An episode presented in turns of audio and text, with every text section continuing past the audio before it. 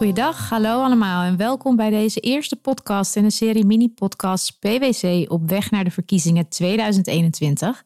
Mijn naam is Anouk Derksema en ik zit hier vandaag met niemand minder dan Selwyn Moons, partner binnen PS Consulting en de client lead partner voor de ministeries Financiën en Binnenlandse Zaken. Selwyn, hoe is het?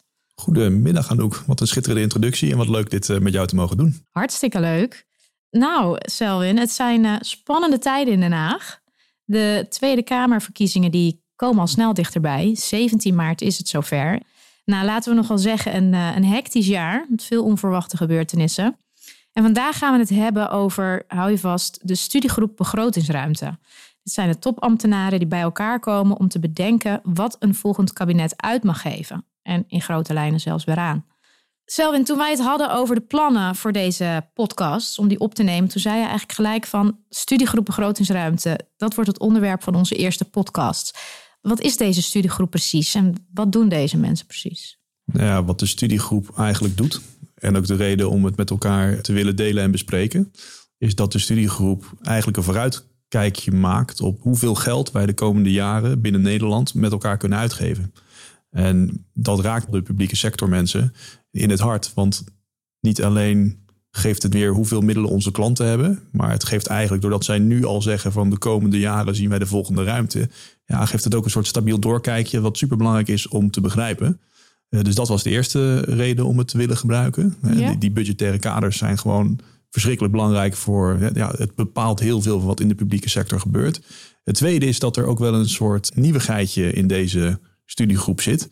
En dat is eigenlijk dat ze voor het eerst gezegd hebben van de buitenwereld, hè, die is zo uitdagend, maar de financiële markten zijn Nederland zo gunstig gesteld, dat we toch de, de budgettaire teugels eigenlijk wat laten vieren. Heel on-Nederlands. Nederland was altijd van hou het huishoudboekje goed op orde. Wees zuinig. Maar je ziet nu dat de studiegroep toch kiest voor de lijn van die overheid is zo belangrijk om die coronacrisis te dempen. Dat we toch maar toelaten eigenlijk om de komende vier jaar de teugels wat losser te laten, enerzijds. Dus echt een wat langere blik te houden en te kijken naar die groei. En iets minder en dus ook nog niet te zeggen van laten we bijvoorbeeld gaan bezuinigen. Eigenlijk het tegendeel. Laat de overheid geld uitgeven en vang die crisis op.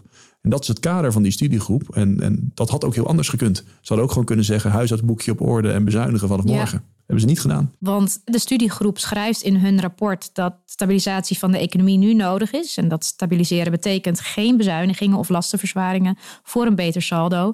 Er moet in deze tijden van crisis dus vooral niet worden bezuinigd. Dat is wat zij zeggen. Nou ja, ze zeggen laat inderdaad die, die, die dempende werking van die overheidsbegroting, laat dat vooral goed functioneren. Dus wees die baken van stabiliteit voor die economie waar zoveel andere zaken al bewegen en spannend zijn. Dat is de ene kant. Het is niet zo dat ze zeggen van rust u maar lekker uit en, en blijf zoveel mogelijk geld uitgeven. Het is wel degelijk dat zij zich zorgen maken over een aantal grote uitgavencategorieën. En waar het meeste aandacht naar uitgaat op dit moment is de zorg. dus ze zeggen binnen Nederland en met het oog op onze lange termijn financiën is het gewoon echt tijd om wederom, of nog steeds, het is maar hoe je dat framen wil, naar die zorguitgaven te kijken. En daar zeggen ze dat zou toch wel fijn zijn als dat wat beter onder controle komt. Zeg ik dan eufemistisch. En feitelijk zeggen ze dan geef minder geld uit. De afgelopen periode heeft ook wel uitgewezen dat de gemiddelde mensen en bedrijven in Nederland toch wel een hele kleine buffer hebben van gemiddeld twee weken. Dat is natuurlijk ook wel zorgelijk. Gaat de overheid daar ook sturender in zijn, verwacht jij? Ja, ik denk dat dat niet per se zo is of hè, op, op dat niveau. Maar kijk, je ziet natuurlijk met het opentrekken van zaken als de NOW-regeling... wel op de achtergrond probeert stabiliteit te geven. Juist in tijden van die krappe buffers, juist in tijden van die economische fluctuatie. En eigenlijk geeft die studiegroep, die geeft het budgettaire kader van... nou ja, zet dat dan nog maar even door. En toevallig had ik vanmorgen met een oud-topambtenaar van Financiën ook contact. En die zegt eigenlijk de reden dat Nederland er nu relatief zo goed voor staat... Hè, dat die in die rankings van de Nederlandse economie in tijden van crisis Nederland eigenlijk het verrassend goed doet, veel te maken heeft met dat de overheid, nou ja, laten we zeggen, echt geld ter beschikking heeft gesteld aan mensen die het toch behoorlijk moeilijk hadden tijdens de crisis. Door wat steun aan werkgevers, door een vorm van loonsubsidie, door zelfstandigen te steunen. Dus ja, er is veel geld uitgegeven het afgelopen half jaar, maar het heeft ook een, ja, een dempende werking in elk geval gehad. En het is nu ook natuurlijk net de afgelopen weken weer doorgerold richting volgende zomer. Omdat ja, helaas de coronacrisis nog wel even onder ons lijkt te zijn. En wie is dan die officiële opdrachtgever van deze studiegroep? Is dat de minister van Financiën? Ja, dat is een, dat is een puzzelende en een hele goede vraag. Ik denk dat ik je daar het antwoord op schuldig moet blijven. Kijk, er zijn een aantal grote studies uh, in het Haagse die eigenlijk, als je ze allemaal kent, het gemiddelde regeerakkoord niet al te verrassend meer gaat zijn. Dus je hebt de Centraal Economische Commissie die eigenlijk een visie geeft op structurele hervormingen. Dat is een opdracht die die topambtenaren zichzelf eigenlijk geven om voor formatie en richting de formateur een slim advies over de hervormingen te geven. Je hebt de studiegroep begrotingsruimte die eigenlijk zegt van nou wij bepalen een beetje het budgettaire plafond. Dus de, de hoeveelheid geld die beschikbaar is, waaronder al die mooie plannen dan moeten worden uitgevoerd. En je hebt, nou ja, laat ik zeggen, de beleidsbijbel heet het ook wel eens de maatschappelijke heroverwegingen, waar je per beleidsterrein de opties ziet voor zowel meer als minder uitgeven, waar een beetje nou, beleidscreativiteit in, in hoort te zitten. De laatste wordt altijd vanuit het kabinet een opdracht voor gegeven aan het begin van een nieuwe kabinetsperiode. Van die andere twee is mijn beeld dat dat vooral traditie is en, en een zelfverkregen mandaat. Maar ik durf niet 100% te garanderen dat het waar is. Nou, dat antwoord uh, dat blijf je me dan nog even schuldig. Stel, en wat voor ambtenaren zitten er dan eigenlijk in zo'n commissie? Zijn dat hele bekende ambtenaren of gebruiken zij dit ook weer als opstapje om verder te komen in de politiek? Nou, ik hoop voor de meeste PwC'ers dat het bekende ambtenaren zijn. Want het zijn mensen die ook als opdrachtgever wij vaak wel eens zijn tegengekomen binnen de Rijksoverheid. In die zin zijn ze bekend. Ik denk dat ze ook in, in de publicaties die nu vaak naar buiten komen, uh, bijvoorbeeld over van, van Roel Becker over het falen van verschillende overheidsdiensten ook allemaal wel een rol hebben in positieve en in negatieve zin. Verder is het zo dat zij relatief in de luwte zitten van nou ja, de ambtenarij, zeg maar even zeggen, en daar hun topposities bekleden. Dat zijn de topambtenaren vanuit het DG Begrotingszaken onder andere, van het ministerie van Financiën. Nou ja, goed, en voor de heroverwegingen en voor de Centraal Economische Commissie zitten daar ook bij de topambtenaren van Sociale Zaken en Economische Zaken bijvoorbeeld, plus de planbureaus en de Centrale Bank. Dan nog eventjes van, zijn die nou bekend wel of niet? Nou ja, Klaas Knot iedereen, dat is een vrij publieke figuur. Verder zijn de meeste ambtenaren wat minder bekend uitgezonderd, denk ik, Gerrit Zalm, oud-directeur van AIP, oud-directeur van het Planbureau. Ja, en de meest recente oud-ambtenaar die in het publiek debat rondloopt, dat is natuurlijk onze Hans Velbrief, die eh, staatssecretaris is op het ministerie van Financiën. Ja. Maar goed, verder durf ik zeggen dat de meeste ambtenaren die deze rapportages uh, schrijven, geen grote politieke activiteiten ontplooien.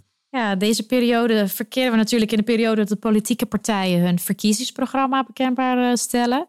Vormt eh, zo'n rapport de basis voor politieke partijen om een verkiezingsprogramma te schrijven? Gebruiken hun dit? Ja, dus, dus kijk, je hoopt dat de politieke basis voor een partijprogramma ideologisch is.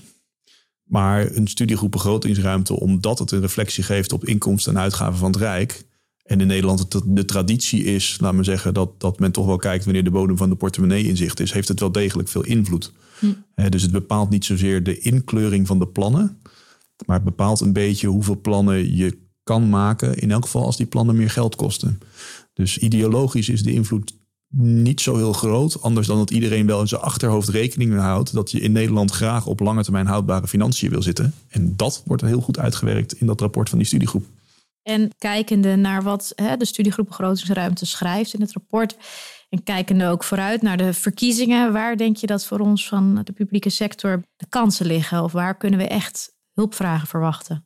Kijk, vanuit de studiegroep zie je sowieso natuurlijk dat zij iets zeggen over de zorg. En PwC heeft ook een grote zorgpraktijk, ook in adviserende zin, waar wij toch proberen nou, de kwaliteit van zorg te verbeteren enerzijds, maar ook dan zicht te houden op hoeveel dat kost.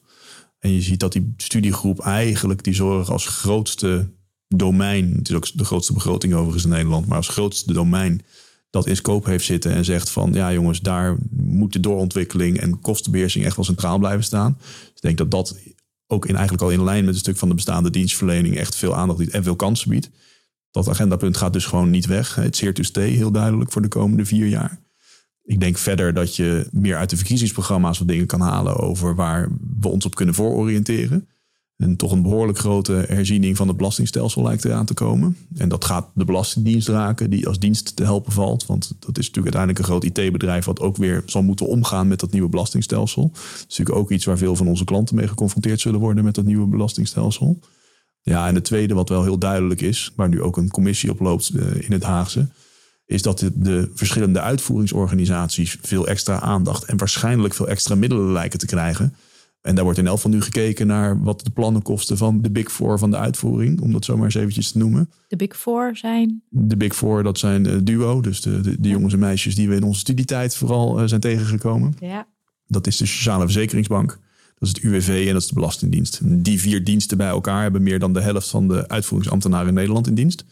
Die hebben allemaal hun verschillende incidenten op het terrein van IT gehad, die gewoon wat achterloopt. Veel legacy problematiek, zoals dat dan heet. Ja, en de plannen om dat op orde te brengen, die worden nu becijferd. En die becijfering is gepland om af te hebben voordat de kabinetsformatie af is.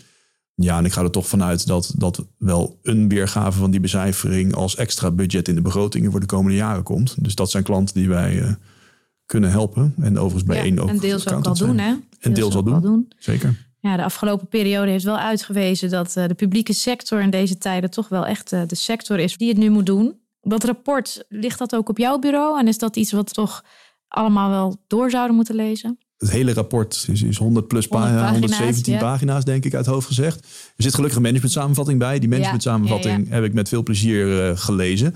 En ik denk dat iedereen dat rapport wel in die zin moet lezen. Maar ik denk dat dat ook geldt voor een aantal van die andere stukken. Hè? Dus de maatschappelijke heroverwegingen raakt eigenlijk aan alle beleidsterreinen. En dat is echt iets wat leeft voor onze opdrachtgevers, omdat dat de, de, kaders gaat bepalen waarbinnen zij moeten werken.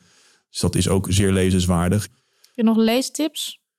Ja, zo had het niet gemoeten van Roel Becker. Ik denk dat dat eventjes uh, de titel was. Maar anders kan ik het precies in de volgende podcast wel eventjes noemen. Maar het boek van Roel Becker over uh, wat er in de uitvoerende diensten zo al uh, is gebeurd en is fout gegaan. Dat is heel lezenswaardig. En daar staat heel veel in dat boek over de interactie tussen politiek en beleid. Hoe die uitvoering dan soms in de knel komt. Ik denk dat dat gewoon heel goed is om dat eens te lezen en te doorleven. Omdat het ook de belevingswereld is van in elk geval de, top van die organisaties. En dat hoort zeker ook op het nachtkastje. Bij mij ligt die er in elk geval wel. Ja, mooie items voor op de leeslijst. Zo, en ik vond het hartstikke leuk om vandaag met jou in gesprek te gaan. Dank voor uh, jouw tijd. Ik weet dat die, uh, dat die schaars is. Even over de volgende podcast. Waar gaan we het dan over hebben? Maatschappelijke heroverweging, Anouk. Want wij opereren in al die heroverwegingen. Dus wij moeten dat een beetje doorleven. Nou, allemaal bedankt voor het luisteren. We zijn hiermee alweer gekomen aan het einde van deze eerste podcast. Laat ons vooral weten wat je ervan vond. En stay tuned voor de volgende podcast, want dan gaan we het hebben over maatschappelijke heroverwegingen. Dag. Zo is het, dankjewel.